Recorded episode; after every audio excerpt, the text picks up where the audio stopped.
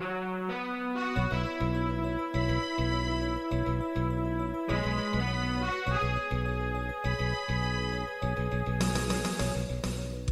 listening to Radio Free Asia. The following program is in Khmer.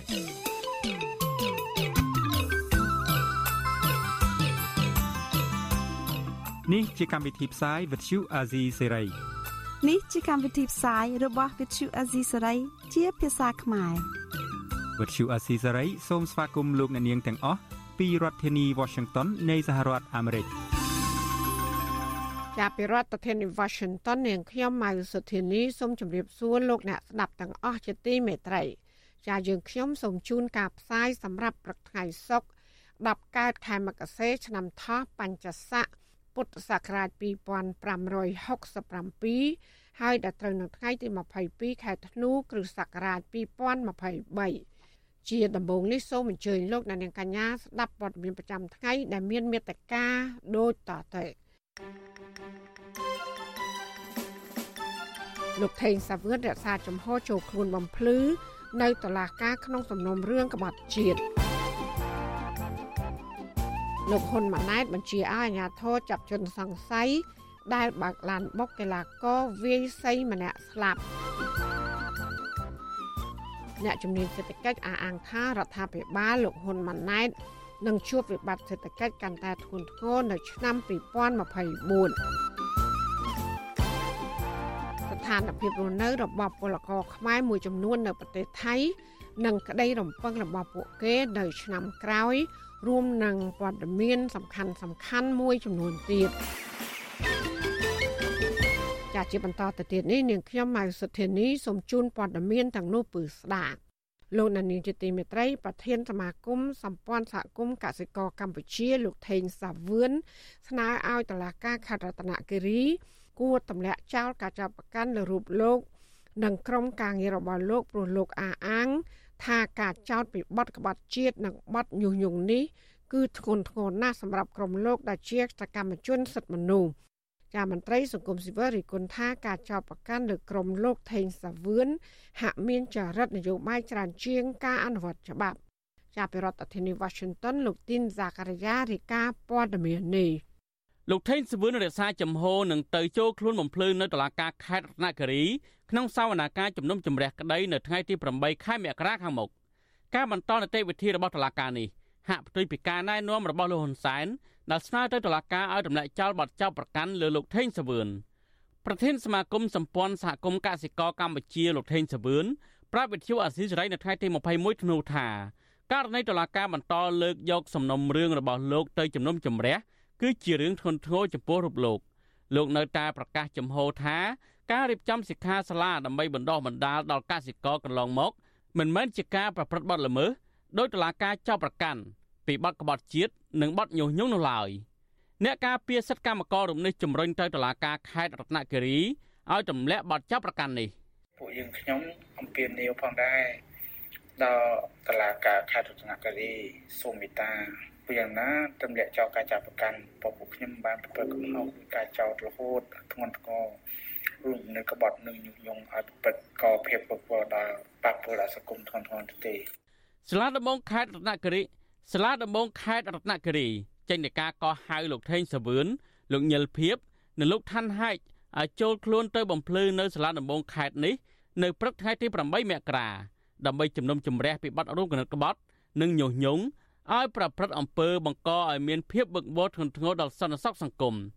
តឡាការចាប់ប្រកាន់ថាលោកថេងសាវឿននិងប៉ាក់ពួកបានប្រព្រឹត្តបទល្មើសនៅសង្កាត់យ៉ាឡោមក្រុងបានលុងខេត្តរតនគិរី កាលពីថ្ងៃទី13និងថ្ងៃទី14ឧសភាឆ្នាំ2023តើតើនឹងរឿងនេះដែរប្រធានអង្គការសម្ព័ន្ធភាពការពារសិទ្ធិមនុស្សកម្ពុជាកតាច្រាលោករស់សុថាសង្កេតឃើញថា ការចាប់ប្រកាន់លើលោកថេងសាវឿនឃើញមានការសម្រាប់សម្រួលក្រៅប្រព័ន្ធតុលាការរហូតដល់លោកថេងសាវឿនជួបនឹងលោកហ៊ុនសែនប៉ុន្តែការដើរតុលាការនៅតែបន្តនីតិវិធីនេះទំនងជាការបំពេញការងាររបស់លោកថេងសាវឿនអាចមិនបានបំពេញតាមការសន្យាឬវិធានការរបស់តុលាការនេះ ទំនងជាចង់បង្ហាញថាតុលាការមិនស្ថិតក្រោមសម្ពាធរបស់អ្នកនយោបាយទោះជាយ៉ាងណាអ្នកការពារសិទ្ធិមនុស្សរូបនេះយល់ថាការបំពេញការងាររបស់អ្នកការពារសិទ្ធិមនុស្សមិនគួររងការចាប់ប្រកាន់តាមផ្លូវតុលាការនោះឡើយអង្គការសង្គមស៊ីវិលឬក៏សិទ្ធិនយោបាយណាមួយក៏វាមិនអាចពាក់ព័ន្ធក្បត់ជាតិដែរណាបើខ្ញុំបាទជាអ្នកហៅថាការពីសិទ្ធិមនុស្សអានឹងវាអាចจะមានលក្ខណៈនយោបាយដែរបាទហើយវាដូចជាថាជាការបង្ក្រាបផ្លូវនយោបាយច្រើនជាង នគរបាលខេត្តក្រចេះកាលពីថ្ងៃទី17ឧសភាបានឃាត់ខ្លួនប្រធានសមាគមសម្ព័ន្ធកសិករកម្ពុជាលោកថេងសវឿននិងសមាជិករបស់លោកចំនួន16នាក់ផ្សេងទៀតនៅពេលដែលពួកគេធ្វើដំណើរពីខេត្តរតនគិរីឆ្ពោះមកកាន់រាជធានីភ្នំពេញតឡាការខេត្តរតនគិរីបានចាប់ប្រកាន់ថាលោកថេងសវឿននិងក្រុមរបស់លោកបានលួចជួបជុំគ្នានៅខេត្តរតនគិរីក្នុងគោលដៅនយោបាយញុះញង់ឲ្យកសិករបះបោឈានដល់ការបដូររំលំរដ្ឋាភិបាលជាដើម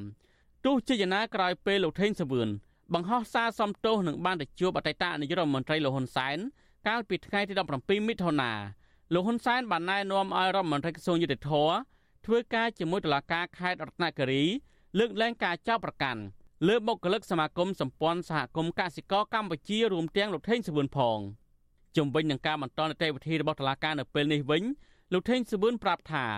សារសារភាពរបស់លោកមិនមែនមានន័យថា អាចធ្វើឲ្យផុតពីការចោទប្រកាន់ឬទោសទណ្ឌឡើយទេខ្ញុំបាទទីនសាការីយ៉ាអស៊ីសេរីប្រធានាធិបតី Washington ចាលោកនាងកញ្ញាជាទីមេត្រីដំណើរគ្នានឹងស្ដាប់ការផ្សាយរបស់វិទ្យុអសីស្រីតាមបណ្ដាញសង្គម Facebook YouTube និង Telegram លោកនាងក៏អាចស្ដាប់ការផ្សាយរបស់យើងតាមរយៈរលកធាតុអាកាសខ្លីឬ Shortwave តាមកម្រិតនិងកម្ពស់ដូចតទៅចាប់ពីព្រឹកចាប់ពីម៉ោង5កន្លះដល់ម៉ោង6កន្លះតាមរយៈប៉ុស SW 93.90 MHz ស្មើនឹងកម្ពស់ 32m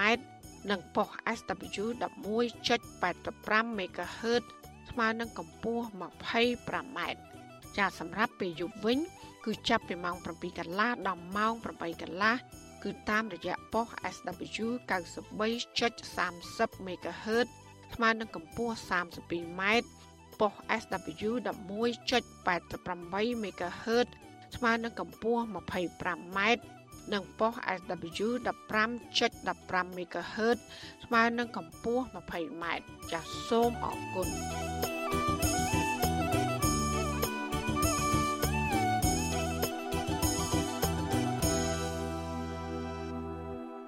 ចាលោកនានីជាទីមេត្រីលោកនាយករដ្ឋមន្ត្រីហ៊ុនម៉ាណែតបានដាក់បញ្ជាឲ្យមន្ត្រីនគរបាលចាប់ជនបង្កដែលបានបើកបរបណ្ដាលឲ្យមនុស្សស្លាប់ហើយព្យាយាមរត់គេចអ្នកជំនាញផ្នែកសុវត្ថិភាពចរាចរណ៍ថានេះគឺជារឿងគួរឲ្យសង្វេគនិងជាវប្បធម៌នីតិរដ្ឋភាពបន្តកើតមានដដែលដដែលប្រសិនបើអាជ្ញាធរមិនអាចចាប់ខ្លួនជនបង្កមកទទួលខុសត្រូវចាលោកទីនសាករាយាមានសេចក្តីរាយការណ៍មួយទៀតជំវិញព័ត៌មាននេះ លោកនាយករដ្ឋមន្ត្រីហ៊ុនម៉ាណែតបានដាក់បញ្ជាទៅមន្ត្រីនគរបាលចរាចរណ៍ឲ្យខាត់ខ្លួនអ្នកបើករថយន្តដែលបុកមនុស្សបណ្ដាលឲ្យស្លាប់នៅនឹងកន្លែងដោយមិនចាំបាច់រងចាំបញ្ជាពីថ្នាក់លើនោះទេលោកហ៊ុនម៉ាណែតបន្តថាលោកនឹងការពារទូនទីមន្ត្រីដែលហ៊ានធ្វើបែបនេះបើសិនជាមន្ត្រីថ្នាក់លើឬជនបង្កគម្រិតកំហែងដកទូនទីមន្ត្រីនគរបាលដែលអនុវត្តច្បាប់នោះ លោកហ៊ុនម៉ាណែតថ្លែងបែបនេះនៅក្នុងពិធីបិទសន្និបាតបូកស្របការងារប្រចាំឆ្នាំរបស់ក្រសួងបរិស្ថាន នៅថ្ងៃទី21ធ្នូ ហើយមេដែលចាត់តែងបងប្អូនអនុវត្តច្បាស់ហើយដាក់ពិន័យបងប្អូនដែលធ្វើខុសគ្មានមូលហេតុខ្ញុំនឹងចាត់វិធានការបើមិនចឹងគ្នាខំធ្វើត្រូវទៅលើកទឹកចិត្តបើគ្នាធ្វើត្រូវហើយដោយសារបញ្ហាមួយត្រូវដាក់ទណ្ឌកម្មគ្នាទៅបំបាក់ទឹកចិត្តអ្នកផ្សេងទៀតមិនឲ្យធ្វើតើសង្គមយើងទៅយ៉ាងណាចាំបាច់តតមានការចាំបាច់តទូរស័ព្ទទៅអីឬមួយតតែថ្នាក់លើស្រែកតាមស្អីទៅឲ្យចាអនុវត្តតែម្ដងសូមអនុវត្តតែម្ដងពោះវាវិលមុខពេកច្បាប់យើងទៅអនុវត្ត បើមានពោះតាំងផឹកសវឹងគេបុកក៏ប៉ុណ្្នឹងហើយខាត់ខ្លួនយកទៅចាំបាច់សុំច្បាប់អីទៀតវត្ថុតាំងសាកសីនៅនឹងហើយ ការបញ្ជារបស់លោកហ៊ុនម៉ាណែតនេះក្រោយពីមានករណីគ្រោះថ្នាក់ចរាចរណ៍ដែលបង្កដោយកូនប្រុសរបស់មេធាវីព្រំវិចិត្រសោភា គឺលោកព្រំវិចិត្រសុសក្តាដែលបានបើកឡានទំនើបប្រណាំងជាមួយឡានទំនើបមួយគ្រឿងផ្សេងទៀតរួចក៏ជ្រុលទៅបុកលោកសៀងគឹមហុងនៅសង្កាត់បឹងកក់2បណ្ដាលឲ្យស្លាប់ និងបានរត់គេចខ្លួនកាលពីយប់ថ្ងៃទី14ធ្នូជនរងគ្រោះគឺលោកសៀងគឹមហុងគឺជាកីឡាករវាយសីដែលបានឈ្នះមេដាយមាសក្នុងព្រឹត្តិការណ៍ SEA Games ដែលកម្ពុជាធ្វើជាម្ចាស់ផ្ទះលើកដំបូង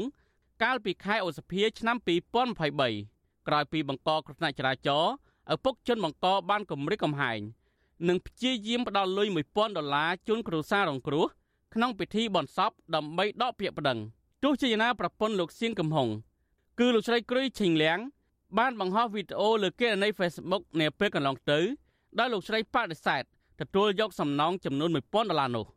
លោកស្រីគ្រុយឈិងលៀងក៏បានបង្ហោះសារលើ Facebook បង្ហាញពីភាពអយុត្តិធម៌មកលើគ្រួសាររបស់លោកស្រី បន្ទាប់មក មហាជនចែករំលែកនិងបញ្ចេញមតិរិះគន់អាញាធរដែលមិនចាប់ខ្លួនជនបង្កហើយប្រតិកម្មរបស់មហាជននេះបានធ្វើឲ្យមន្ត្រីជាន់ខ្ពស់រដ្ឋាភិបាលចេញបញ្ជាឲ្យអាជ្ញាធរចាប់ខ្លួន ទោះជាយ៉ាងណាបន្ទាប់ពីគ្រោះថ្នាក់ចរាចរណ៍អស់រយៈពេលជាងមួយសប្តាហ៍មកអាជ្ញាធរនៅតែមិនទាន់អាចចាប់ខ្លួនជនបង្កឲ្យមកចូលខ្លួនដោះស្រាយនៅឡើយទេ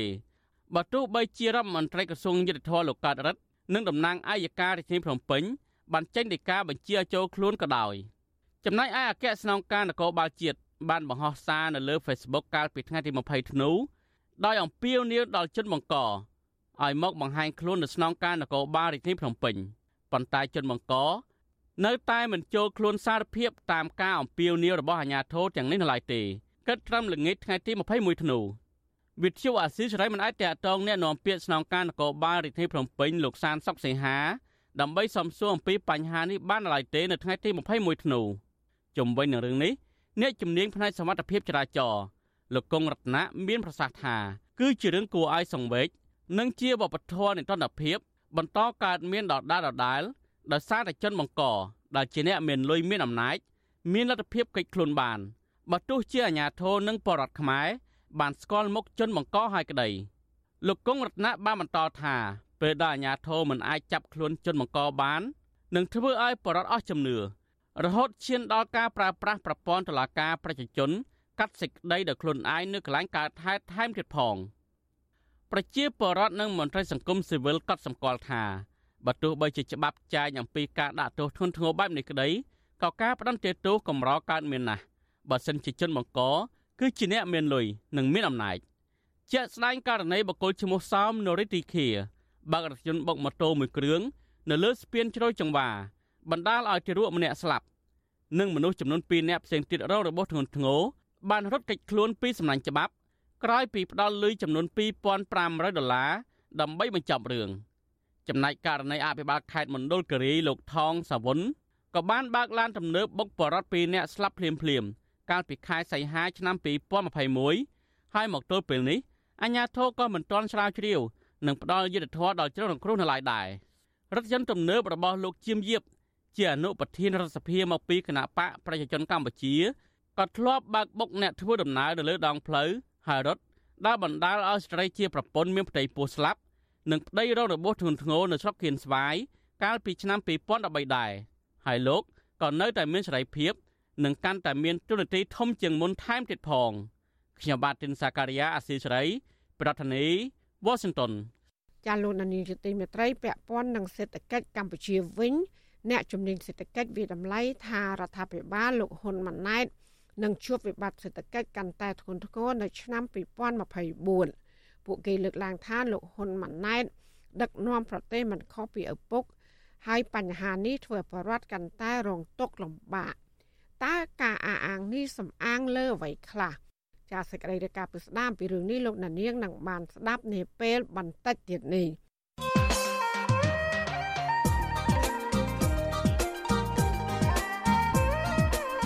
លោកនាងជាទីមេត្រីអស់រយៈពេលជិត40ឆ្នាំមកហើយដែលកម្ពុជាទើបតែផ្លាស់ប្ដូរមេដឹកនាំថ្មីជាលើកដំបូងអ្វីត្បិតតែលោកហ៊ុនសែនព្រមចុះចេញពីតំណែងដឹកនាំប្រទេសក្តីលោកក៏មិនព្រមប្រគល់អំណាចនេះទៅឲ្យអ្នកណាក្រៅតែពីកូនរបស់ខ្លួននោះដែរបាននៅក្នុងនីតិវិទ្យាអ្នកស្ដាប់វិទ្យុអាស៊ីសេរីនៅយប់ថ្ងៃសុក្រទី22ធ្នូនេះយើងនឹងមានកិច្ចពិភាក្សាមួយពិនិត្យមើលឡើងវិញថាតើលោកហ៊ុនសែន បានរៀបចំចាត់ចែងបែបណាក្នុងឆ្នាំ2023មុននឹងផ្ទេរតំណែងឲ្យកូនរបស់ខ្លួនតើនៅឆ្នាំ2024លោកហ៊ុនសែនអាចនឹងដកខ្លួនចេញពីការដឹកនាំរបស់លោកហ៊ុនម៉ាណែតឬក៏លោកនៅតែក្តាប់ក្តាប់អំណាចនៅពីក្រោយដដែលបាទសូមលោកនាងរងចាំទស្សនានីតិវិទ្យានៃស្ដាប់វិទ្យុអាស៊ីសេរីដែលនឹងជជែកអំពីបញ្ហានេះកុំបីខានលោកអ្នកនាងអាចបញ្ចេញមតិយោបល់ឬសួរសំណួរ ដោយដាក់លេខទូរស័ព្ទរបស់លោកអ្នកនាង នៅក្នុងប្រអប់ខ្ទង់ comment នៃការផ្សាយរបស់វិទ្យុអាស៊ីសេរីនៅលើបណ្ដាញសង្គម Facebook Telegram និង YouTube ក្រុមការងាររបស់យើងនឹងតាក់ទងទៅលោកនាងវិញ បាទសូមអរគុណ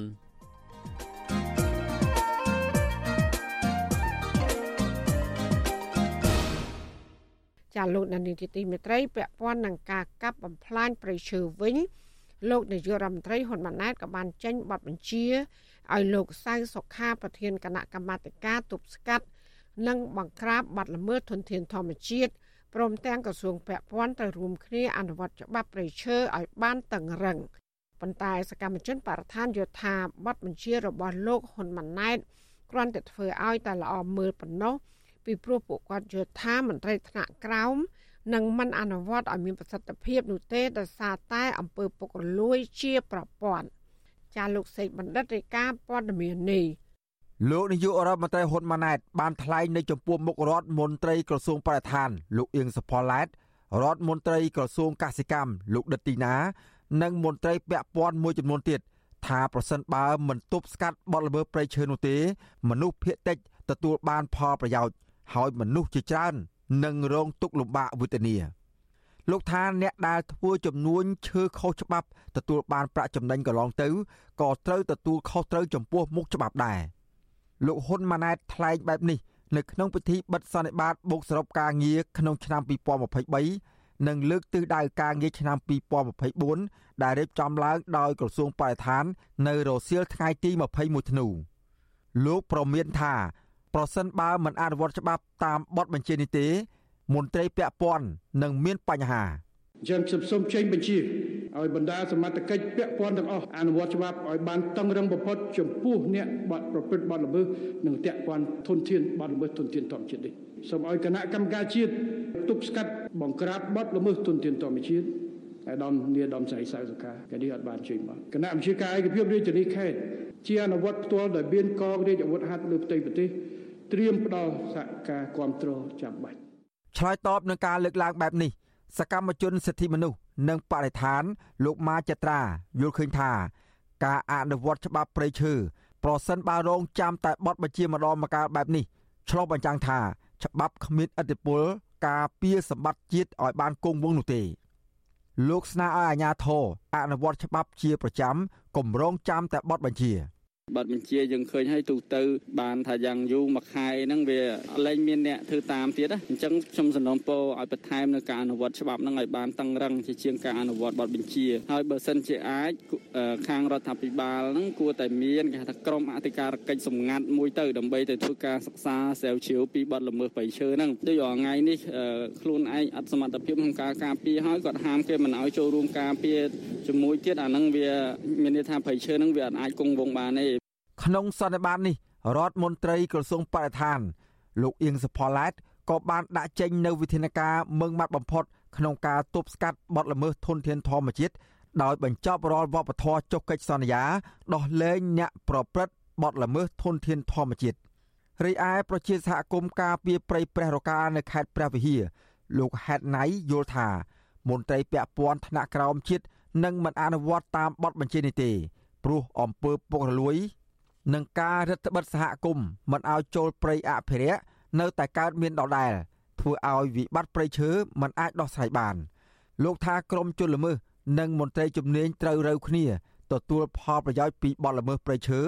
និងការទុនទានដីព្រៃធ្វើចំការក្នុងតំបន់អភិរក្សដែលគ្រប់គ្រងដោយក្រសួងបរិស្ថាន។ បទបញ្ជាជាបទបញ្ជាប៉ុន្តែក៏ធ្វើមិនបានព្រោះអីចូលទៅត្រូវគ្នាជាមួយនឹងបលិសអញ្ចឹងណាថារឿងអ្នកដែលលួចកាត់ឈើលើកដឹកឈើអីហ្នឹងនៅតែមានហូហែដដែលដដែលវាអត់មានលុបបំបត្តិបានណារឿងបាត់របឺព្រៃឈើទាំងទេ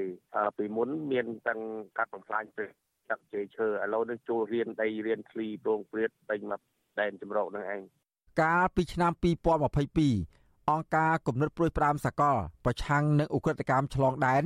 បានចេញរបាយការណ៍ស្ដីពីលទ្ធផលស្រាវជ្រាវពីមេឃធៀងអំពើខុសច្បាប់នៃរចនាសម្ព័ន្ធកាប់ឈើខុសច្បាប់នៅកម្ពុជា បង្ហាញថា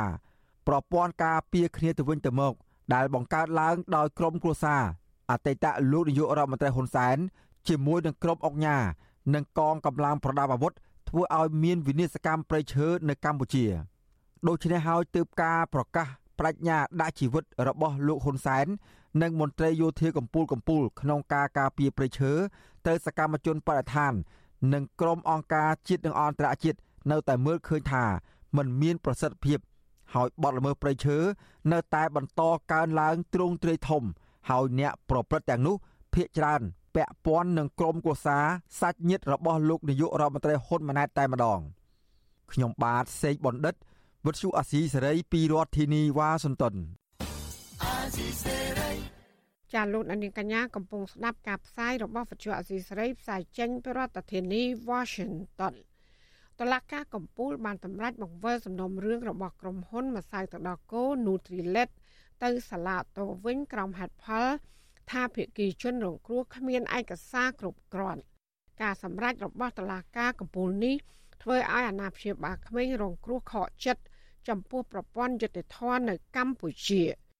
មន្ត្រីសង្គមស៊ីវិលថាការសម្រេចនេះគឺជារឿងអយុត្តិធម៌សម្រាប់ក្មេងៗរងគ្រោះនិងអាណាព្យាបាលដែលធ្វើពួកគាត់រងការប៉ះទង្គិចផ្លូវចិត្តម្ដងហើយម្ដងទៀតចាលោកថាថៃរាយការណ៍ព័ត៌មាននេះការប្រកាសសាលដីការបស់តុលាការកំពូលនៅថ្ងៃទី21ធ្នូប្រធានចៅក្រមជំនុំជម្រះលោកគង់ស្រីមបានសម្រេចបង្វិលសំណុំរឿងក្រុមហ៊ុនម្សៅទឹកដោះគោ Nutrilett ត្រឡប់ទៅសាលាឧទ្ធរវិញដើម្បីរកភ័ស្តុតាងបន្ថែម ក៏ប៉ុន្តែអាណាព្យាបាលកុមាររងគ្រោះមិនពេញចិត្តនោះទេចំពោះការសម្រេចនេះដោយពួកគាត់លើកឡើងថាភិក្ខីក្រុមហ៊ុនមិនបានចូលរួមស្ដាប់ការប្រកាសសាលដីកាឡើយខណៈនៅក្នុងសវនាការនោះចៅក្រមបានអានសេចក្តីសម្រេចដោយមិនទុកឱកាសឲ្យភិក្ខីជនរងគ្រោះតវ៉ាដែរម្ដាយក្មេងរងគ្រោះលោកស្រីប៊ុនពេជ្រវតាប្រាប់វិទ្យុអាស៊ីសេរីនៅថ្ងៃទី21ធ្នូថាចំពោះសាលដីការបស់តុលាការកំពូលដែលលើកឡើងថាភិក្ខីជនរងគ្រោះគ្មានឯកសារគ្រប់គ្រាន់គឺមិនសមស្របនោះឡើយ ព្រោះឆ្លងកាត់សវនាការច្រើនលើកមកហើយភិក្ខីដើមមិនដឹងបានបង្ហាញភ័ស្តុតាងរឹងមាំនិងសម្បូរបែបទាំងឯកសារផ្លូវច្បាប់និងលទ្ធផលធ្វើតេស្តពីមន្ទីរពិសោធន៍និងអគ្គនាយកដ្ឋានការពារអ្នកប្រើប្រាស់កិច្ចការប្រកួតប្រជែងនិងបង្ក្រាបការក្លែងបន្លំគណៈភិក្ខីក្រុមហ៊ុនធ្លាប់ទទួលស្គាល់ថាផលិតផលរបស់ខ្លួនគ្មានគុណភាពនិងធ្វើឲ្យប៉ះពាល់ដល់កុមារពិតប្រាកដមែន។ តែគាត់និយាយបែរជានិយាយថាយើងអត់មានឯកសារទៅជាយើងយើងអ្នកជនរងគ្រោះនេះវាអត់មានឯកសារវិញខ្ញុំអត់យល់ខ្ញុំអត់យល់កន្លែងហ្នឹងហើយថ្ងៃ13ដល់ពេលថ្ងៃសាកសួរបងចង់ឲ្យថាក្នុងចិត្តខ្ញុំការសាកសួរខ្ញុំពិតពេញចិត្តខ្ញុំនិយាយត្រង់មកខ្ញុំពេញចិត្តនៅការសាកសួររបស់គាត់របៀបគាត់សួរទៅមេធាវីមេធាវីរបស់ខាងក្រុមហ៊ុន Nutrilett ហ្នឹងមេធាវីឆ្លើយអត់ចាញ់ទេគាត់សួរឡើងចង់ថាយើងយើងសប្បាយចិត្តរីករាយដែលឃើញថាអូស្រុកយើងមានច្បាប់ហើយអូយុទ្ធធម៌ពិតជាមានសម្រាប់យើងតែនៅពេលដែលគាត់ប្រកាសសារក្រមគាត់ទៅជាប្រកាសបំវល់ កាលពីថ្ងៃទី13ខែធ្នូតុលាការកំពូលបានបើកសវនាការលើកដំបូងកាត់ក្តីសំណុំរឿងទីរុករងគ្រោះដោយសារការប្រើប្រាស់ផលិតផលម្សៅទឹកដោះគោ Nutrilett និងបានពន្យាពេលមកប្រកាសសាលដីកានៅថ្ងៃទី21ធ្នូនៅក្នុងសវនាការនោះក្រុមគ្រួសារក្មេងរងគ្រោះហាក់មានសង្ឃឹមថានឹងទទួលបានយុត្តិធម៌ព្រោះពួកគាត់មានភ័ស្តុតាងរឹងមាំឯជនជប់ចោតមិនបានចូលខ្លួនមកបំភ្លឺ ដោយបញ្ជូនតែមេធាវីមកគណៈមេធាវីមិនអាចឆ្លើយសំណួរផ្សេងផ្សេងរបស់ចៅក្រមបានឡើយទោះជាយ៉ាងនេះក្តីការប្រកាសបង្វិលសំណុំរឿងថយក្រោយទៅសាលាឧទ្ធរនៅពេលនេះបានធ្វើឲ្យពួកគាត់ខកចិត្តនិងបានរិះគន់តុលាការកំពូលថាមានចេតនាអូសបន្លាយជាមួយភាគីក្រុមហ៊ុនជុំវិញរឿងនេះមេធាវីការពីក្តីឲ្យលោកស្រីប៊ុនពេជ្រវតា គឺលោកអេងមូនីរិតប្រាប់វិទ្យុអាស៊ីសេរីថាបើទោះបីជាតុលាការកំពូលសម្រេចបង្វិលសំណុំរឿងនេះត្រឡប់ទៅសាលាឧទ្ធរវិញក្តី ក៏សាលាឧទ្ធរនៅតែរក្សាការសម្រេចរបស់សាលាដំបងទុកជាបានការដដែលតុលាការកពូលដូចជាបវលសើបថែមចាំមើលយើងនឹងមើលនៅក្នុងសាលដីកាពេញណាឥឡូវគាត់គាត់ប្រកាសទៅនេះបាទកាលពីដើមខែធ្នូឆ្នាំ2020អាណាព្យាបាលទារករងគ្រោះដោយសារម្សៅទឹកដោះគោ Nutrilett ចំនួន21គ្រួសារបានដាក់ពាក្យបណ្ដឹងទៅសាលាដំបងរាជធានីភ្នំពេញប្តឹងក្រុមហ៊ុនម្សៅទឹកដោះគោ Nutrilett ដោយអះអាងថាក្រុមហ៊ុននេះបានផ្សព្វផ្សាយពាណិជ្ជកម្មភូតកុហកក្លែងបន្លំលក់ម្សៅទឹកដោះគោគ្មានគុណភាពបណ្ដាលឲ្យកូនកូនរបស់ពួកគាត់ទទួលទានហើយមានសភាពស្លេកស្លាំងស្ពឹកស្រពន់និងមានជំងឺខ្វះគ្រាប់ឈាមក្រហមខ្វះជាតិដែកនិងជាតិសាំងសីរហូតធ្លាក់ខ្លួនឈឺធ្ងន់ជុំវិញរឿងនេះនាយកទទួលបន្ទុកកិច្ចការទូតទៅនៃអង្គការសិទ្ធិមនុស្សលីកាដូលោកអំសំអាតមានប្រសាសន៍ថាតុលាការកំពូលមិនគួរបង្វិលសំណុំរឿងនេះត្រឡប់ទៅសាលាឧទ្ធរវិញនោះទេព្រោះភាគីអាណាព្យាបាលកុមាររងគ្រោះ មានស័ក្តិសិទ្ធិនឹងភ័ស្តុតាងរឹងមាំទៅហើយលោកបន្តថាការបង្វិលសំណុំរឿងថយក្រោយដូចនេះអាចនឹងធ្វើឲ្យក្រុមគ្រួសារជនរងគ្រោះទទួលរងការប៉ះទង្គិចផ្លូវចិត្តបន្ថែមទៀតព្រោះពួកគាត់ត្រូវឡើងសវនាការនិងបង្ហាញពីរូបភាពនៃការឈឺចាប់របស់កូនកូនរបស់ពួកគាត់ដដែលដដែលជាអង្គការសង្គមស៊ីវិលយើងសង្ឃឹមថាសាលាតូនឹងបើកសវនកម្មឡើងវិញទៅពេលឆាប់ឆាប់ដើម្បីកុំឲ្យជនរងគ្រោះហ្នឹងរងចាំយូរខាតពេលវេលាតទៅទៀតបាទ ក្រសួងពាណិជ្ជកម្មបានរកឃើញថាម្សៅទឹកដោះគោ Nutrilett ខ្វះសារធាតុចិញ្ចឹមគ្រប់គ្រាន់ដែលបង្កគ្រោះថ្នាក់ធ្ងន់ធ្ងរដល់សុខភាពរបស់កុមារនិងទារកដែលទទួលទានម្សៅទឹកដោះគោនេះក្រសួងក៏បានបញ្ជាឲ្យផ្អាកចរាចរណ៍និងប្រមូលត្រឡប់មកវិញនៅម្សៅទឹកដោះគោ Nutrilett ចំនួន6លេខកូដនិងបានបញ្ឈប់ការនាំចូលម្សៅទឹកដោះគោប្រភេទនេះចូលទីផ្សារក្នុងប្រទេសកម្ពុជា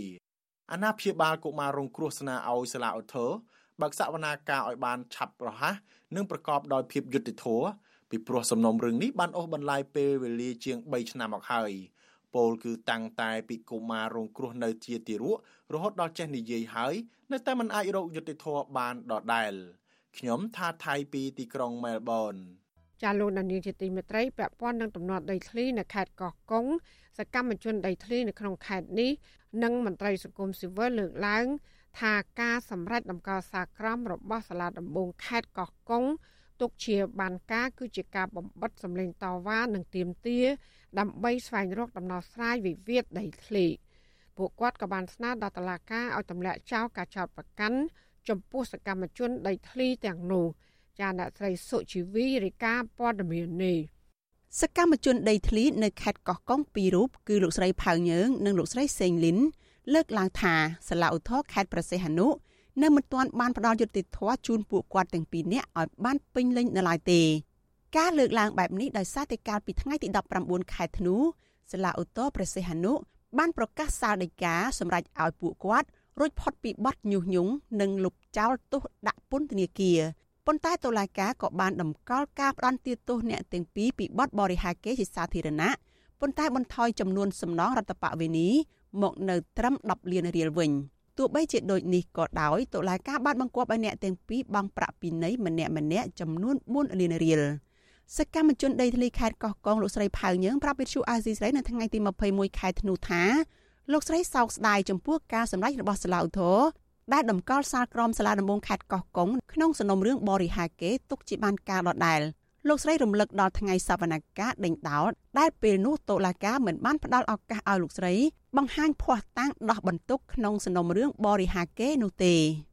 ហើយកន្លែងនេះខ្ញុំមានអំណះអំណាងមានផោះតាងមានអីត្រឹមត្រូវច្បាស់លាស់មានមេធាវីដើម្បីតតាំងតតល់គ្នាអីកន្លែងខ្លះយើងទៀមទាឲ្យតតល់មួយសាក់សីអីតឡាការមិនឲ្យពួកខ្ញុំតតល់ទេចឹងហើយខ្ញុំសោកស្ដាយនៅចំណុចខ្វះខាតមួយចំនួននេះខ្ញុំគិតថាជាការចងខ្ញុំទុកដើម្បីបំបិតសេរីភាពកុំឲ្យប្រជាពលរដ្ឋដទៃទៀតចេញមុខតវ៉ាទៀមទាដូចខ្ញុំឲ្យរៀងឲ្យចាលឲ្យកុំឲ្យទៅរស់ស៊ីនៅខាងក្រៅនៅណានៅណីបានឲ្យក្រលហេមហាមអញ្ចឹងឲ្យវេទនាដើម្បីឲ្យថ្ងៃក្រោយថ្ងៃមុខជាគំរូកុំឲ្យប្រជាពលរដ្ឋដទៃទៀតចេះដឹងរឿងសង្គម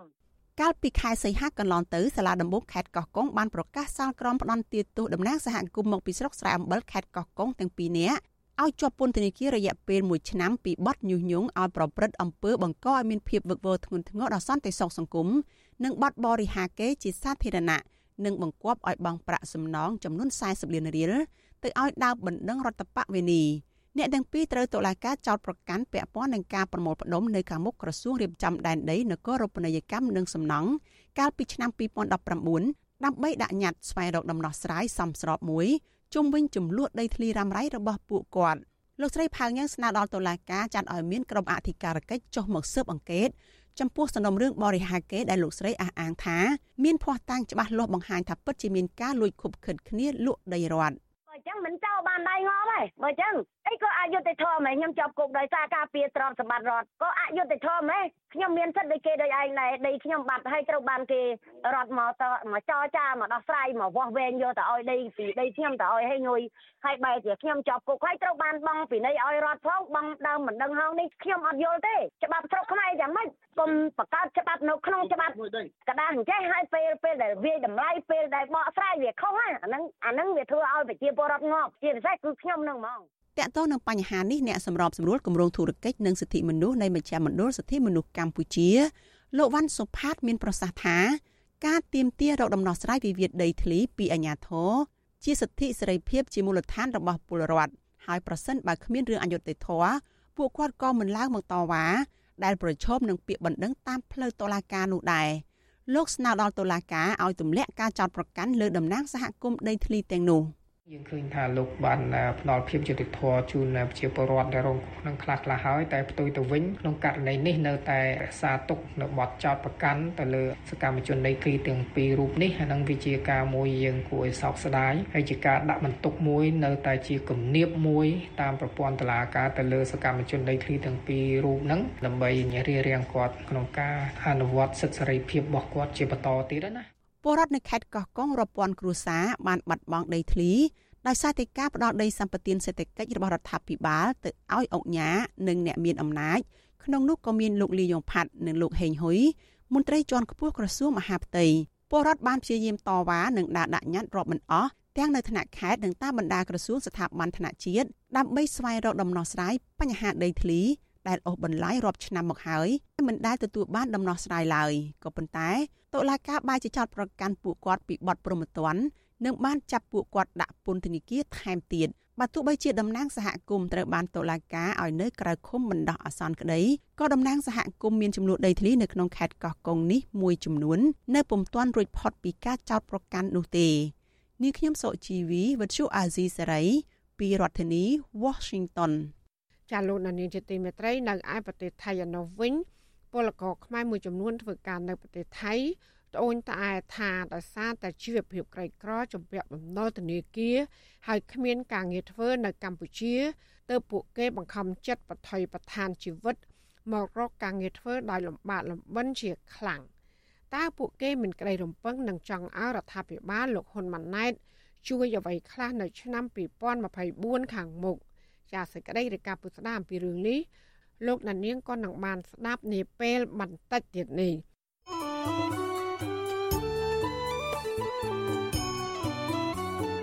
ាលោកដានៀងជាទីមេត្រីក្នុងឱកាសនេះដែរនាងខ្ញុំសូមថ្លែងអំណរគុណដល់លោកដានៀងកញ្ញាទាំងអស់ដែលតែងតែមានភក្ដីភាព ចំពោះការផ្សាយរបស់យើងហើយចាត់ទុកការស្ដាប់វិទ្យុអសីសេរី គឺជាផ្នែកមួយនៃសកម្មភាពប្រចាំថ្ងៃរបស់លោកអ្នក ការគ្រប់គ្រងរបស់លោកដានៀងនេះហើយដែលធ្វើយើងខ្ញុំមានទឹកចិត្តកាន់តែខ្លាំងថែមទៀតក្នុងការស្វែងរកនិងផ្តល់ព័ត៌មានជូនដល់លោកដានៀងចាំមានអ្នកស្ដាប់អ្នកទេសនាកាន់តែច្រើនកាន់តែធ្វើឲ្យយើងខ្ញុំមានភាពស្វាហាប់មោះមុតជាបន្តទៀតចាយើងខ្ញុំសូមអរគុណទុកជាមុនហើយក៏សូមអញ្ជើញលោកដានៀងកញ្ញាចូលរួមជំរុញឲ្យសកម្មភាពផ្ដល់ព័ត៌មានរបស់យើងនេះកាន់តែជោគជ័យបន្ថែមទៀត លោកដានៀងអាចជួយយើងខ្ញុំបានដោយគ្រាន់តែចុចចែករំលែកឬ share ការផ្សាយរបស់យើងនេះនៅលើបណ្ដាញសង្គម Facebook និង YouTube ទៅកាន់មិត្តភ័ក្តិដើម្បីឲ្យការផ្សាយរបស់យើងនេះបានទៅដល់មនុស្សកាន់តែច្រើនចាសសូមអរគុណ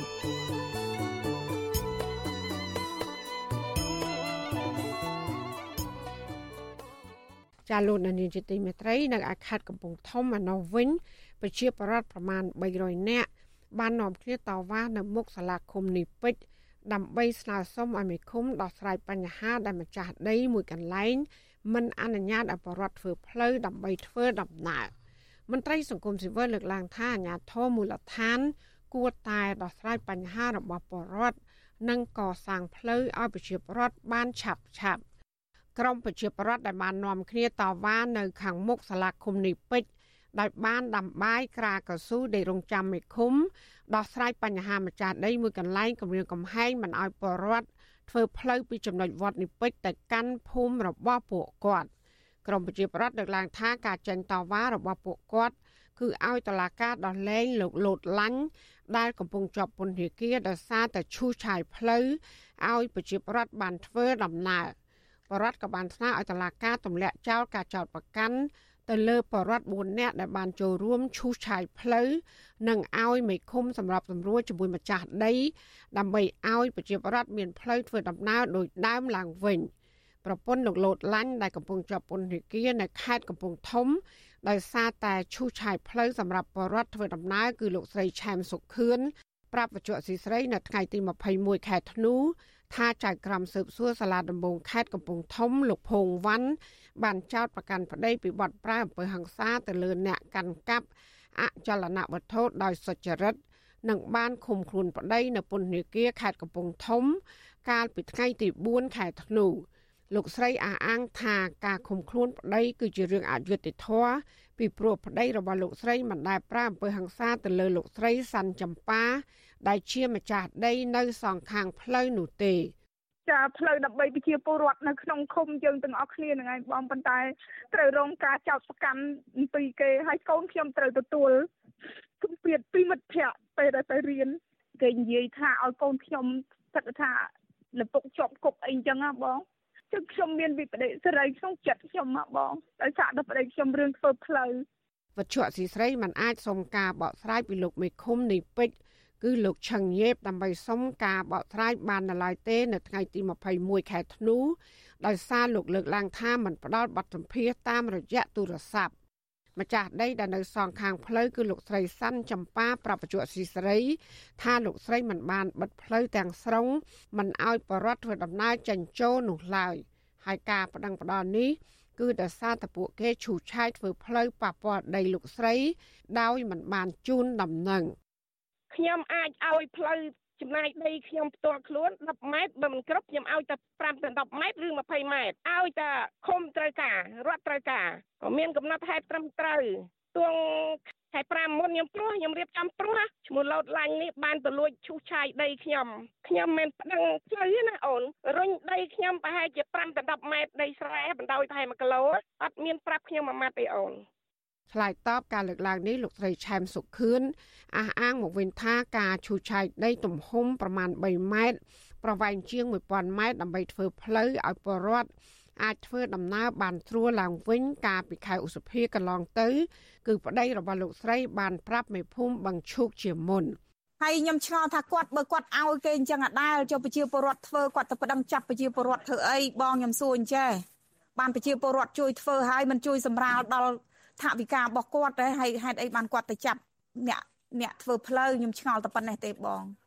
ជុំវិញរឿងនេះអ្នកនាំពាក្យសមាគមការពារសិទ្ធិមនុស្សអាត6លោកសង្សានករណាមានប្រសាសន៍ថាអាញាធមមូលដ្ឋាន គួរពន្លឿនការដោះស្រាយជូនប្រជាពលរដ្ឋ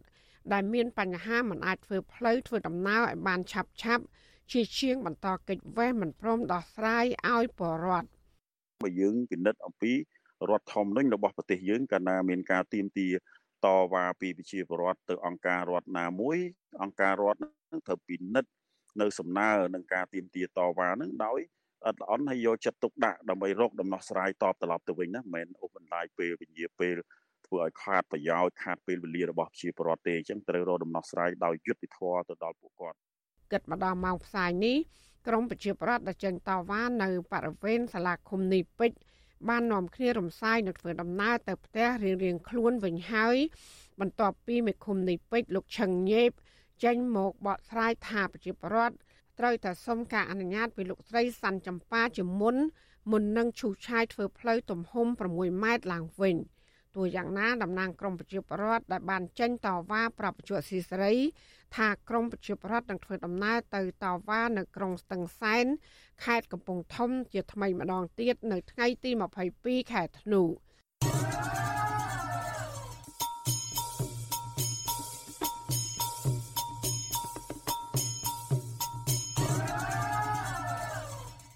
ចាលោកនានីជាទីមេត្រីអ្នកជំនាញសេដ្ឋកិច្ច វាយតម្លៃថារដ្ឋាភិបាលរបស់លោកហ៊ុនម៉ាណែតនឹងជួបវិបត្តិសេដ្ឋកិច្ចកាន់តែធ្ងន់ធ្ងរនៅឆ្នាំ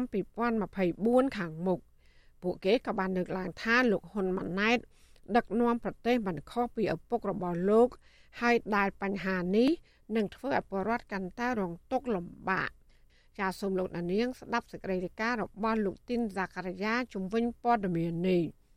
អ្នកជំនាញសេដ្ឋកិច្ចព្យាករណ៍ថារដ្ឋាភិបាលរបស់លោកហ៊ុនម៉ាណែត នឹងមិនអាចស្ដារសេដ្ឋកិច្ចឲ្យរីកចម្រើនធ្វើឲ្យប្រជាពលរដ្ឋរស់នៅសុខសប្បាយដោយដល់ក្រុមបកពួកគ្រួសារត្រកូលហ៊ុនរស់នៅសប្បាយលើទ្រព្យសម្បត្តិមហាសាលនោះឡើយអតីតរដ្ឋមន្ត្រីក្រសួងសេដ្ឋកិច្ចនិងហិរញ្ញវត្ថុលោកសំរងស៊ីមានប្រសាសន៍ថាលោកហ៊ុនម៉ាណែតគ្រាន់តែជានាយករដ្ឋមន្ត្រីទិញមងតែប៉ុណ្ណោះលោកអះអាងថាលោកហ៊ុនសែននៅតែជាអ្នកកិច្ចចង្កូតដឹកនាំប្រទេសដដែលលោកសំរងស៊ីបន្ថែមថាដោយសារតែលោកហ៊ុនសែននៅតែមានឥទ្ធិពលលើការដឹកនាំនេះហើយ ទើបធ្វើឲ្យការដឹកនាំរបស់លោកហ៊ុនម៉ាណែតគ្មានអ្វីផ្លាស់ប្ដូរឬរីកចម្រើនបាននោះទេឪគាត់ធ្វើអាក្រក់ទាំងប៉ុន្មានគាត់បន្តធ្វើអាក្រក់មានតែធ្វើអាក្រក់ថែមទៀតដើម្បីបង្ហាញថាគាត់ស្មោះត្រង់ជាមួយឪគាត់លោកហ៊ុនម៉ាណែតនៅតែយើងហៅថាជាជាអាយ៉ងជាតុកតា ជាអ្នកឈរឈ្មោះណាឈរឈ្មោះជានាយករដ្ឋមន្ត្រីថ្មីតែមែនតើអ្នកកាន់អំណាចគឺលោកហ៊ុនសែនដែលកាន់អំណាចពេញដៃដដែល រដ្ឋាភិបាលដឹកនាំដោយលោកហ៊ុនម៉ាណែតដើរលើកន្លងឪពុករបស់លោកគឺលោកហ៊ុនសែនដដែលលោកបានចាប់យកចិនជាខ្នងបង្អែកសេដ្ឋកិច្ចទោះជាលោកធ្លាប់អះអាងថាលោកដឹកនាំប្រទេសមិនងាកទៅប្រទេសណាមួយខ្លាំងក៏ដោយបញ្ហានេះក៏ជាកត្តាចម្បងដែលធ្វើឲ្យកម្ពុជាប្រមការដឹកនាំរបស់ត្រកូលហ៊ុននេះរងសម្ពាធសេដ្ឋកិច្ចពីប្រទេសលោកសេរីដូចជាការបាត់បង់ប្រព័ន្ធអនុគ្រោះពន្ធ EBA ពីសហភាពអឺរ៉ុបនិង GSP របស់អាមេរិកជាដើម លើសពីនេះទៀតក្នុងរយៈពេលប្រមាណឆ្នាំចុងក្រោយនេះកម្ពុជាក៏បាត់បង់អ្នកវិនិយោគពីប្រទេសលោកសេរីច្រើនដែរអ្នកវិនិយោគដែលចូលមកកម្ពុជានោះគឺអ្នកវិនិយោគចិនដែលមកវិនិយោគលើវិស័យអចលនទ្រព្យវិស័យនេះកំពុងតែជាប់គាំងនៅពេលបច្ចុប្បន្ននេះជាស្ដែងដូចជានៅទីក្រុងប្រសេះអនុត្រូវបានគេប្រសិទ្ធនាមថាជាទីក្រុងខ្មោចឬអាគារខ្មោចជាដើមទោះបីជាបែបនេះក្តីក្រសួងសេដ្ឋកិច្ចនិងហិរញ្ញវត្ថុបានចេញរបាយការណ៍ព្យាករណ៍ថា សេដ្ឋកិច្ចកម្ពុជានៅឆ្នាំ2024នឹងកើនឡើង6.6%ខណៈដែលឆ្នាំ2023កំណើនសេដ្ឋកិច្ច5.5%ក្រសួងអះអាងថាវិស័យដែលជួយជំរុញកំណើនសេដ្ឋកិច្ចនោះមានវិស័យឧស្សាហកម្មកាត់ដេរទេសចរនិងកសិកម្មជាដើមទោះបីជាក្រសួងសេដ្ឋកិច្ចអះអាងបែបនេះក្តីគឺលោកសំរងស៊ីលើកឡើងថារដ្ឋាភិបាលរបស់លោកហ៊ុនម៉ាណែតនេះពិបាកនឹងរំពឹងថានឹងអាចស្ដារសេដ្ឋកិច្ចឲ្យរីកចម្រើនបាននៅឆ្នាំ2024 ដោយសារតែរដ្ឋាភិបាលមិនទាន់មានទំនាក់ទំនងល្អឡើងវិញជាមួយអាមេរិកនិងអឺរ៉ុបលោកថាបញ្ហានេះអ្នកដែលរងផលប៉ះពាល់ខ្លាំងជាងគេនោះគឺប្រជាពលរដ្ឋតួលេខស្ថិតិផ្លូវការដែលគេយកមកបង្ហាញដែលវាខុសស្រឡះពីការពិតឥឡូវការពិតយើងត្រូវមើលអីមើលជីវភាពរស់នៅរបស់ប្រជាពលរដ្ឋជីវភាពរស់នៅជីវភាពប្រចាំថ្ងៃ របស់ប្រជាពលរដ្ឋភាគច្រើនលើសលុបខ្ញុំមិននិយាយពីពួកមហាសេដ្ឋីក្រមគ្រួសារបពពួកហ៊ុនសែនទេពួកហ្នឹងគេមានស្រុកស្ដំយើងមិនចាំបាច់ខ្វល់ខ្វាយពីគេទេតែប្រជាពលរដ្ឋខ្ញុំជឿថា90%ដែលមានកង្វះខាតពិបាករស់ជាទីបំផុតធនាគារពិភពលោកបានចេញរបាយការណ៍កាលពីដើមឆ្នាំ2023ថាគិតត្រឹមឆ្នាំ2022សេដ្ឋកិច្ចកម្ពុជាបានធ្លាក់ចុះធ្វើឲ្យបរតខ្មែរជាង1លាន2សែននាក់ រស់នៅក្រោមបន្ទាត់ភាពក្រីក្រឬមានន័យថាមនុស្សម្នាក់រកចំណូលបានតិចជាង2ដុល្លារ7សេនឬប្រមាណជា10000រៀលក្នុងមួយថ្ងៃខណៈដែលប្រជាប្រដ្ឋខ្មែរចំនួនពាក់កណ្ដាលប្រទេសចំណាយត្រឹមតែជាង4ដុល្លារឬប្រមាណនឹង16000រៀលឬតិចជាងនេះក្នុងមួយថ្ងៃអ្វីដែលធ្វើឲ្យកាន់តែធ្ងន់ធ្ងរថែមទៀតនោះកម្ពុជាបណ្ដោះដង្ហើមសេដ្ឋកិច្ចពឹងលើប្រទេសចិនជាកត្តាចម្បងក៏ប៉ុន្តែប្រទេសចិនសប្តាហ៍ថ្ងៃនេះ កំពុងតែជួបវិបត្តិសេដ្ឋកិច្ចធ្ងន់ធ្ងរនៅស្របពេលដែលប្រទេសមួយចំនួនលើពិភពលោកកំពុងតែជួបឧបសគ្គរឿងទំនិញឡើងថ្លៃឬអតិផរណានោះតែប្រទេសចិនជួបរឿងផ្ទុយពីនេះទៅវិញរយៈពេលប្រមាណខែចុងក្រោយនេះចិនកំពុងតែមានវិបត្តិផលិតផរណាពលគឺទំនិញនិងថ្លៃសេវាចុះថោកកាន់តែខ្លាំងធ្វើឲ្យមនុស្សលែងចាយលុយនិងគ្មានការងារធ្វើអ្នកជំនាញសេដ្ឋកិច្ចបានបញ្យល់ថាប្រទេសដែលមានអតិផរណាទំនិញឡើងថ្លៃ ឬមានបរិបទផរណាតំណែងចោះថោកកាន់តែខ្លាំងនោះ មានន័យថាប្រទេសនោះកំពុងតែមានវិបត្តិសេដ្ឋកិច្ចធ្ងន់ធ្ងរពួកគេថាផលប៉ះពាល់សេដ្ឋកិច្ចនៅប្រទេសចិននេះនឹងសាយភាយដល់កម្ពុជាមុនគេដោយសារតែកម្ពុជាជាកូនអុកសេដ្ឋកិច្ចរបស់ចិនស្រាប់ទៅហើយនោះអ្នកខ្លោមើលផ្នែកអភិវឌ្ឍសង្គមបណ្ឌិតសេនស៊ូរីមានប្រសាសន៍ថាដោយសារតែរដ្ឋាភិបាលដឹកនាំដោយឪពុកនិងកូនឬលោកហ៊ុនសែននិងលោកហ៊ុនម៉ាណែតដឹកនាំប្រទេសងាកទៅរកចិននេះនឹងធ្វើឲ្យរដ្ឋាភិបាលទាល់ច្រកកាន់តែខ្លាំង នៅឆ្នាំ2024បើយើងនិយាយអំពីភ្ញៀវទេសចរចិនក៏អត់មកកម្ពុជាដែរដោយសារតែមានការផ្សព្វផ្សាយថាកម្ពុជាជាសម្បុករបស់ជនអន្តរជាតិចិនដែលពួកអ្នកទេសចរសំខាន់សំខាន់ល្អល្អរបស់ចិនហ្នឹងគឺមិនមកលេងកម្ពុជាទេដោយសារតែបារម្ភរឿងការចាប់ចម្រិតការជួញដូរមនុស្សឲ្យដូចមាន ការផ្សព្វផ្សាយនៅក្នុងរឿង No More Bet ដែលអាស៊ីសេរីធ្លាប់ផ្សាយដូចនេះដែរបញ្ហាទី2ដែលទេសចរមិនមកកម្ពុជាហ្នឹងគឺរឿងការមិនគោរពសិទ្ធិមនុស្សការមិនគោរពប្រជាធិបតេយ្យហើយនឹងមិនគោរពនីតិរដ្ឋរឿងទី4ខ្ញុំមើលនៅក្នុងវិស័យវិញ្ញាណភ័ណ្ឌដែលជាប្រភពសេដ្ឋកិច្ចមួយដ៏ធំរបស់កម្ពុជា គឺរឿងកាត់ដេរនេះមកដល់ពេលនេះរដ្ឋាភិបាលលោកហ៊ុនម៉ាណែតអត់ទាន់ធ្វើអន្តរាគមឬក៏ឆ្លើយតបទៅនឹងការបាត់បង់ EBA និង GSP ទេ រឿងមួយទៀតយើងមើលវិស័យអចលនទ្រព្យដែលសិចនាក5 6នេះខ្ញុំចង់បង្ហាញថាវានឹងអាចឈានទៅដល់វិបត្តិសេដ្ឋកិច្ចឆ្នាំ2024វិស័យទេសចរកាលពីឆ្នាំ2017ត្រូវបានធនាគារពិភពលោកប៉ាន់ស្មានថាតំណាងឲ្យ1ភាគ3នៃផលិតផលក្នុងស្រុកសរុបរបស់កម្ពុជា បានធ្លាក់ចុះ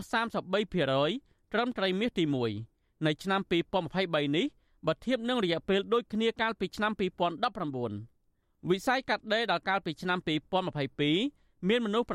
750,000នាក់បម្រើការងារនិងតំណាងឲ្យ1ភាគ3ផ្សេងទៀតនៃផលិតផលក្នុងស្រុកសរុបរបស់កម្ពុជាក៏កំពុងនឹងប្រឈមនឹងការលំបាកដូចគ្នា ក្នុងនោះកម្មករកាត់ដេរ50000នាក់បានបាត់បង់ការងារធ្វើកាលពីខែមីនាឆ្នាំ2023ស្ថាបនិកអង្គការមេដាធម្មជាតិនិងជាអ្នកខ្លំមើលពីស្ថានភាពនយោបាយនៅកម្ពុជាលោកអាលិចលើកឡើងថា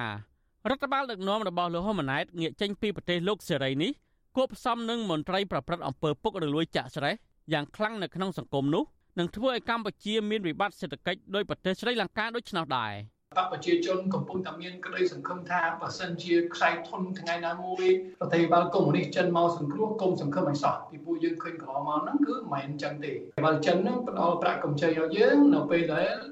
ប្រទេសមានបញ្ហាដែលខ្វះថវិកា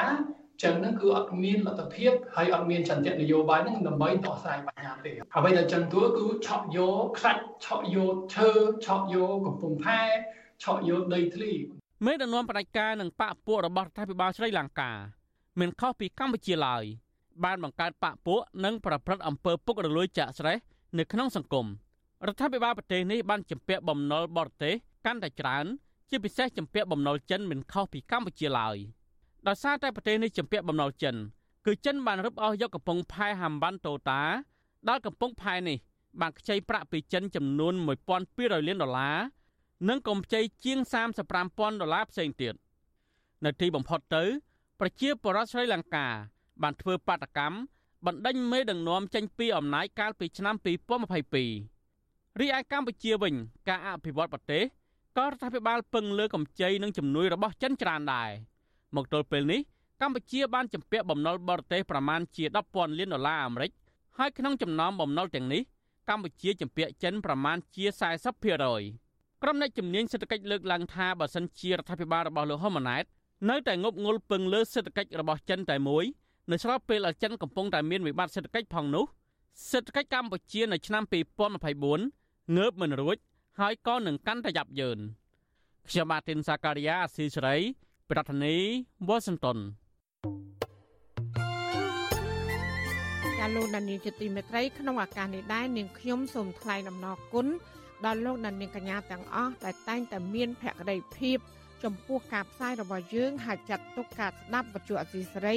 គឺជាផ្នែកមួយនៃសកម្មភាពប្រចាំថ្ងៃរបស់លោកអ្នកការគ្រប់គ្រងរបស់លោកអ្នកនាងនេះហើយដែលធ្វើយើងខ្ញុំមានទឹកចិត្តកាន់តែខ្លាំងថែមទៀត ក្នុងការស្វែងរកនិងផ្តល់ព័ត៌មានជូនដល់លោកអ្នកនាងចាំមានអ្នកស្ដាប់អ្នកទេសនាកាន់តែច្រើនកាន់តែធ្វើយើងខ្ញុំមានភាពស្វាហាប់មោះមុតជាបន្តទៀត។ចាយើងខ្ញុំសូមអរគុណទុកជាមុនហើយក៏សូមអញ្ជើញលោកដានៀងកញ្ញាចូលរួមជំរុញឲ្យសកម្មភាពផ្ដល់ព័ត៌មានរបស់យើងនេះកាន់តែជោគជ័យបន្ថែមទៀតលោកដានៀងអាចជួយយើងខ្ញុំបាន ដោយគ្រាន់តែចុចចែករំលែកឬ share ការផ្សាយរបស់យើងនេះនៅលើបណ្ដាញសង្គម Facebook និង YouTube ទៅកាន់មិត្តភ័ក្តិដើម្បីឲ្យការផ្សាយរបស់យើងនេះបានទៅដល់មនុស្សកាន់តែច្រើនចាសសូមអរគុណចាលោកនាងជាទីមេត្រីពលករខ្មែរមួយចំនួនធ្វើការនៅប្រទេសថៃរកប្រាក់ដោះស្រាយជីវភាពគ្រួសារស្ទើរតែមិនគ្រប់ក៏ប៉ុន្តែពួកគេនៅតែមិនត្រឡប់មកកម្ពុជាវិញឡើយ ពួកគេអះអាងថាមូលហេតុដែលបន្តធ្វើការនៅប្រទេសថៃដោយសារតែជីវភាពក្រីក្រ ហើយគ្មានការងារធ្វើនៅកម្ពុជាខណៈដែលពួកគេជំពាក់បំណុលធនាគារមិនទាន់សងរួចតើស្ថានភាពរស់នៅរបស់ពលករខ្មែរទាំងនោះនៅឆ្នាំ2023នេះយ៉ាងដូចម្ដេចហើយថាតើពួកគេមានក្តីរំពឹងយ៉ាងណា នៅឆ្នាំ2024ខាងមុខជាពីរដ្ឋធានី Washington អ្នកត្រីសុជីវី មានសេចក្តីរាយការណ៍ពុស្ដាអំពីជីវិតរស់នៅរបស់ពលករខ្មែរមួយចំនួន ដែលកំពុងធ្វើការនៅប្រទេសថៃដូចតទៅក្រុមពលករខ្មែរមួយចំនួនធ្វើការនៅប្រទេសថៃលើកឡើងថាពួកគេមិនមានសេចក្តីសុខទេនៅក្នុងឆ្នាំ2023នេះដោយសារតែគ្មានការងារធ្វើទៀងទាត់និងហូបចុកមិនគ្រប់គ្រាន់ហើយអ្នកខ្លះទៀតក៏មិនបានទៅលេងស្រុកកំណើតដែរនៅក្នុងឆ្នាំនេះដោយសារតែគ្មានប្រាក់ ពលករនីដែលជាស្ត្រីមេម៉ាយកូនមួយមានស្រុកកំណើតនៅខេត្តកោះកុងលោកស្រីស្ងួនសុខុមរៀបរាប់ថាលោកស្រីមកធ្វើការនៅក្នុងប្រទេសថៃរយៈពេលជាង5ឆ្នាំមកហើយដោយពុំបានត្រឡប់ទៅកម្ពុជាវិញទេ ដោយសារតែគ្មានប្រាក់ធ្វើដំណើរពលករនីរូបនេះសប្តាហ៍ថ្ងៃធ្វើការនៅផ្នែកលក់ម្ហូបអាហារឲ្យជនជាតិថៃ នៅក្នុងខេត្តអយុធ្យាដែលបានប្រាក់ឈ្នួល5000បាតឬស្មើប្រមាណ160ដុល្លារនៅក្នុងមួយខែលោកស្រីបន្តថា ធ្វើការបានប្រាក់ឈ្នួលតិចតួចនេះដោយសារតែគ្មានការងារធ្វើទៀងទាត់លោកស្រីបន្ថែមថាដំបូងឡើយលោកស្រីធ្វើការនៅតាមរោងចក្របានប្រាក់ឈ្នួលគួរសមដែរក៏ប៉ុន្តែប្រមាណ1ឆ្នាំចុងក្រោយនេះថៅកែរោងចក្រមិនទទួលឲ្យលោកស្រីធ្វើការទៀតទេដោយសារតែទឹកធការអស់សុពលភាពហើយលោកស្រីក៏គ្មានប្រាក់បន្តសុពលភាពទឹកធការនោះដែរ ធ្វើម៉េចបើយើងប៉ាសពតអស់អាយុយើងទៅរកធ្វើការងារដែលនៅកន្លែងពងវងគេមិនបានព្រោះអីតកែគេអត់ត្រូវការយើងព្រោះយើងអស់អាណត្តិហើយគេខ្លាចប៉ូលីសចាប់យើងចាប់តកែចាប់អីអស់លុយច្រើនអញ្ចឹងមិនដូចស្រុកខ្មែរយើងចង់គេធ្វើការមិនក៏បានឥឡូវហ្នឹងការងារទោះបីអ្នកមានប៉ាសពតខ្ញុំសួរគាត់គាត់ថាបានមួយខែ6000 7000ហើយអត់រួចបងថ្លៃហងថ្លៃបន្ទប់អីថ្លៃហូបចុកស្រដៀងគ្នានេះដែរពលករនីម្នាក់ទៀតមានស្រុកកំណើតនៅខេត្តបាត់ដំបងលោកស្រីព្រំសំណាងថ្លែងថា លោកស្រីមកធ្វើការរោងចក្រផលិតថង់ផ្លាស្ទិកនៅក្នុងខេត្តរយងប្រមាណ10ឆ្នាំមកហើយដោយបានប្រាក់ឈ្នួលជាង100000បាតឬស្មើប្រមាណ310ដុល្លារនៅក្នុងមួយខែប៉ុន្តែស្ត្រីវ័យ39ឆ្នាំរូបនេះបន្តថាចាប់តាំងពីដើមឆ្នាំ2023មក ការងាររបស់លោកស្រីចាប់ផ្ដើមមានបញ្ហាដោយសារថៅកែជនជាតិថៃបានបញ្ចប់កិច្ចសន្យាការងារក្រោមហេតុផលថាលោកស្រីធ្វើការងារច្រើនឆ្នាំមិនរីកចម្រើន និងមានអាយុច្រើន។ លោកស្រីថាពលករខ្មែរប្រមាណ40នាក់ផ្សេងទៀតក៏ត្រូវបានថៅកែបញ្ឈប់ពីការងារក្រោមហេតុផលដោយលោកស្រីដែរសប្តាហ៍ថ្ងៃនេះលោកស្រីបានមកធ្វើការផ្នែកលក់បាយម្ហូបឲ្យជនជាតិថៃនៅខាងមុខរោងចក្រវិញម្ដងដោយបានប្រាក់ឈ្នួលមិនទៀងទាត់នោះទេពលគឺថ្ងៃណាដែលថៅកែហៅទៅធ្វើការងារអាចបានប្រាក់ឈ្នួលពី350ទៅ500បាត ឬប្រមាណពី10ទៅ16ដុល្លារនៅក្នុងមួយថ្ងៃ។ ពួយរមសល់តែបានតែមកហូបមកហូបនិយាយចាំទៅខ្វះមុខខ្វះក្រោយទៅមិនដឹងរកអីហើយណាមួយស្រុកខ្មែរចឹងបងឲ្យដឹងថ្នាក់របៀបសំណងទៅតមានបងប្អូនខ្សែរយៈបានយើងអាចធ្វើបានបាក់វាមិនមែននៅស្រុកទេស្រួលទេពិបាកនិយាយចាំទៅក៏ពិតតែជាធ្វើមិនជាទ្រាំទៅដោយឡែកពលករខ្មែរធ្វើការសំណង់នៅខេត្តឈុនបុរីលោកសុកភ័ក្រប្រាប់ថាលោកបាននាំប្រពន្ធនិងកូន3នាក់មកធ្វើការនៅក្នុងប្រទេសថៃប្រមាណ2ឆ្នាំមកហើយពលករមួយគ្រួសារនេះ មានស្រុកកំណើតនៅខេត្តបាត់ដំបងដោយដំបូងឡើយពួកគេធ្វើការសំណង់នៅទីក្រុងបាងកកអស់រយៈពេលជិត2ឆ្នាំក៏ផ្លាស់ទៅធ្វើការនៅខេត្តឈុនបុរីវិញលោកសុកភ័ក្រឲ្យដឹងថាមូលហេតុដែលលោកបដូរកន្លែងការងារពីមួយកន្លែងទៅមួយកន្លែងទៀតដោយសារតែថៅកែបោកប្រាស់កម្លាំងពលកម្មដោយឲ្យធ្វើការតែមិនបើកប្រាក់ឈ្នួលឲ្យពលគឺបើកប្រាក់តែបន្តិចបន្តួចសម្រាប់តែទិញម្ហូបអាហារហូបចុកតែប៉ុណ្ណោះពលករមួយគ្រួសារនេះសប្តាហ៍ថ្ងៃ មានជីវភាពខ្វះខាតដោយសារតែគ្មានការងារធ្វើទៀងទាត់ហើយពេលខ្លះពួកគេដាច់ស្បៀងក៏មានដែរសំណាផ្្លាត់ណាសំណា2 3ថ្ងៃអត់មានអីហូបដែរទូណាទៅអត់សុទ្ធបដ ாய் អត់កុហកអត់លាក់បងហើយមានថ្ងៃបានហ្នឹងទូណាឲ្យកូនហូបចឹងទៅទូណាគួយស្រក់ទឹកភ្នែកមួយប្រពន្ធមួយអីថៃគេណាត់ជើងគេខ្ញុំជឿគេហូបគេឲ្យហូបទៅក្នុងដីប្រពន្ធទៅកូនទៅប្រាប់គេជឿម្ដងពី300បាតណាមួយថ្ងៃសំណោះបងអើយដេកមិនលក់ទេសំណោះតាលោកបន្តថាបើទោះបីជាស្ថិតនៅក្នុងស្ថានភាពបែបនេះក្តី ក៏គ្រួសារលោកនៅតែបន្តខំស្មៅនៅក្នុងប្រទេសថៃបន្តទៀតព្រោះនៅកម្ពុជាអត់ការងារធ្វើខណៈពួកគេជំពាក់បំណុលធនាគារជាង10000ដុល្លារមិនទាន់សងរួចនៅឡើយក្រុមពលករទាំងនេះអះអាងថាក្នុងឆ្នាំ2023នេះពលករខ្មែរនៅក្នុងប្រទេសថៃស្ទើរគ្រប់ទីកន្លែងរស់នៅក្នុងស្ថានភាពលំបាកដោយសារតែគ្មានការងារធ្វើទៀងទាត់និងបានបដូរការងារពីកន្លែងមួយទៅកន្លែងមួយទៀតជាញឹកញាប់ ហើយភ ieck ច្រើនពួកគេកំពុងជំពាក់បំណុលធនាគារនៅស្រុកកំណើតវិទ្យុអាស៊ីសេរីនៅមិនទាន់អាចតាក់ទងแนะនាំពាក្យក្រសួងកាងារលោកកតាអនដើម្បីសុំការអធិប្បាយជុំវិញបញ្ហាទុកលំបាករបស់ពលករខ្មែរនេះបាននៅឡើយទេ នៅថ្ងៃទី21ខែធ្នូប៉ុន្តែកាលពីថ្ងៃទី1ខែកញ្ញាលោកនាយរដ្ឋមន្ត្រីហ៊ុនម៉ាណែតមានប្រសាសន៍ថាកន្លងទៅមន្ត្រីរបស់លោកដែលប្រចាំការនៅក្រៅប្រទេស ជាពិសេសនៅប្រទេសថៃកូរ៉េខាងត្បូងនិងម៉ាឡេស៊ីបានយកចិត្តទុកដាក់ចំពោះសុខទុក្ខរបស់ពលករខ្មែរចំណាក់ស្រុកតាមរយៈការអន្តរាគមន៍ផ្ដល់ជំនួយផ្លូវច្បាប់ម្ហូបអាហារនិងផ្ដល់សេវាផ្សេងទៀតកាលពីថ្ងៃទី13ខែកញ្ញាកន្លងទៅរដ្ឋាភិបាលក៏បានបង្កើតគណៈកម្មការត្រួតពិនិត្យនិងដោះស្រាយបញ្ហាចេញចូលរបស់ពលករខ្មែរនៅតាមព្រំដែនដើម្បីសម្រួលដល់ការធ្វើដំណើរចេញចូលកម្ពុជានិងថៃដោយពុំមានការយកប្រាក់ក្រៅផ្លូវការ ទោះជាយ៉ាងណាក្រមពលករខ្មែរលើកឡើងថាគណៈកម្មការនេះមិនបានជួយអ្វីទៅដល់ពួកគេដែលកំពុងមានបញ្ហាជីវភាពនៅក្នុងប្រទេសថៃនោះឡើយជុំវិញរឿងនេះប្រធានផ្នែកប្រយុទ្ធប្រឆាំងការជួញដូរមនុស្សនិងទេសន្នប្រវេសនៃអង្គការសង្ត្រាល់លោកឌីថេហូយ៉ាមានប្រសាសន៍ថាការលើកឡើងរបស់ក្រមពលករដែលបង្ហាញពីទុកលំបាកនៅក្នុងពេលធ្វើការនៅក្នុងប្រទេសថៃគឺជារឿងពិតដែលរដ្ឋាភិបាលកម្ពុជា គួរតែជួយអន្តរាគមន៍ដល់ពួកគេ នៅក្នុងពេលពួកគេមានស្ថានភាពលំបាកបែបនេះលោកបញ្ជាក់ថាបច្ចុប្បន្ននេះពលករដែលប្រឈមនឹងថៅកែបញ្ឈប់ពីការងារនឹងត្រូវបោកប្រាស់កម្លាំងពលកម្មភាគច្រើនជាពលករធ្វើការងារដោយខុសច្បាប់ នៅក្នុងវិស័យសំណង់កសិកម្មនិងលើទូកនេសាទជាដើម។ កាលណាគាត់ត្រូវបានគេជួញដូរកម្លាំងពលកម្មគេប្រវាញ់កម្លាំងពលកម្មគាត់មានថវិកាឯណាដើម្បីចិញ្ចឹមជីវភាពការរស់នៅប្រចាំថ្ងៃក៏ដូចជាការសងបំណុលជាដើមចឹងអញ្ចឹងអាបញ្ហានេះហើយដែលជាបញ្ហាប្រឈមធំសម្រាប់ពួកគាត់មែនទែនរបាយការណ៍របស់អង្គការសង្ត្រាល់ឲ្យដឹងថាបច្ចុប្បន្នមានពលករខ្មែរធ្វើការស្របច្បាប់និងមិនស្របច្បាប់ជាង2លាននាក់នៅក្នុងប្រទេសថៃហើយក្នុងចំណោមពលករទាំងនោះ មានអ្នកខ្លះ ត្រូវបានថៅកែបោកប្រាស់កម្លាំងពលកម្មដោយធ្វើការមិនអោយប្រាក់ឈ្នួល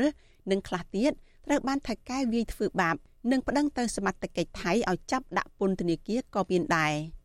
មន្ត្រីសង្គមស៊ីវិលលើកឡើងថាដើម្បីដោះស្រាយបញ្ហានេះរដ្ឋាភិបាលកម្ពុជាគួរតែអន្តរាគមន៍ទៅរដ្ឋាភិបាលថៃ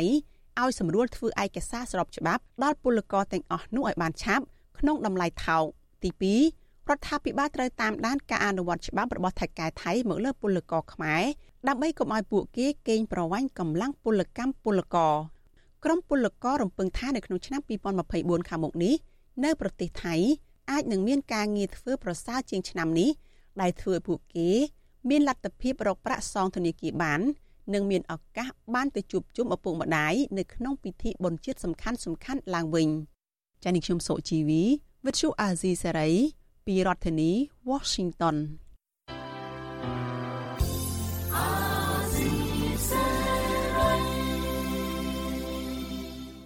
ចាលោកលានកញ្ញាអ្នកស្ដាប់ជាទីមេត្រីការផ្សាយរយៈពេល1ម៉ោងរបស់វិទ្យុអាស៊ីស្រីជាភាសាខ្មែរនៅពេលនេះចាប់តែប៉ុណ្ណេះ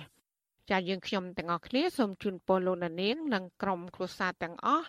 សូមជួបប្រកបតែនឹងសេចក្តីសុខសេចក្តីចម្រើន ជានិរន្តរ៍ ចានាងខ្ញុំម៉ៃសុធានីព្រមទាំងក្រុមការងារទាំងអស់របស់អសីស្រីសូមអរគុណនិងសូមជម្រាបលា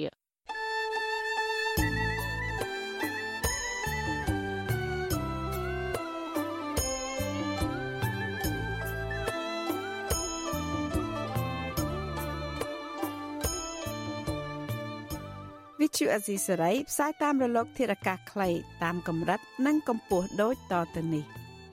ពេលព្រឹកចាប់ពីម៉ោង5កន្លះដល់ម៉ោង6កន្លះតាមរយៈប៉ុស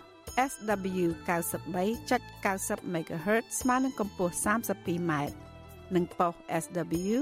11.85 MHz ស្មើនឹងកម្ពស់ 25m ពេលយប់ចាប់ពីម៉ោង7កន្លះដល់ម៉ោង8កន្លះតាមរយៈប៉ុស SW 93.30 MHz ស្មើនឹងកម្ពស់ 32m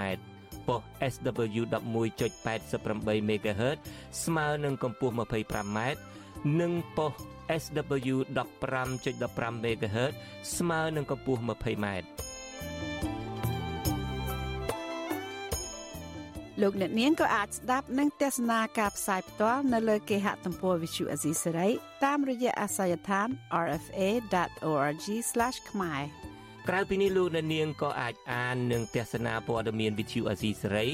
លើទូរស័ព្ទដៃរបស់លោកអ្នកនាងផ្ទាល់សូមអញ្ជើញលោកអ្នកនាងដំឡើងកម្មវិធីវិទ្យុអាស៊ីសេរីនៅលើទូរស័ព្ទដៃរបស់លោកអ្នកនាង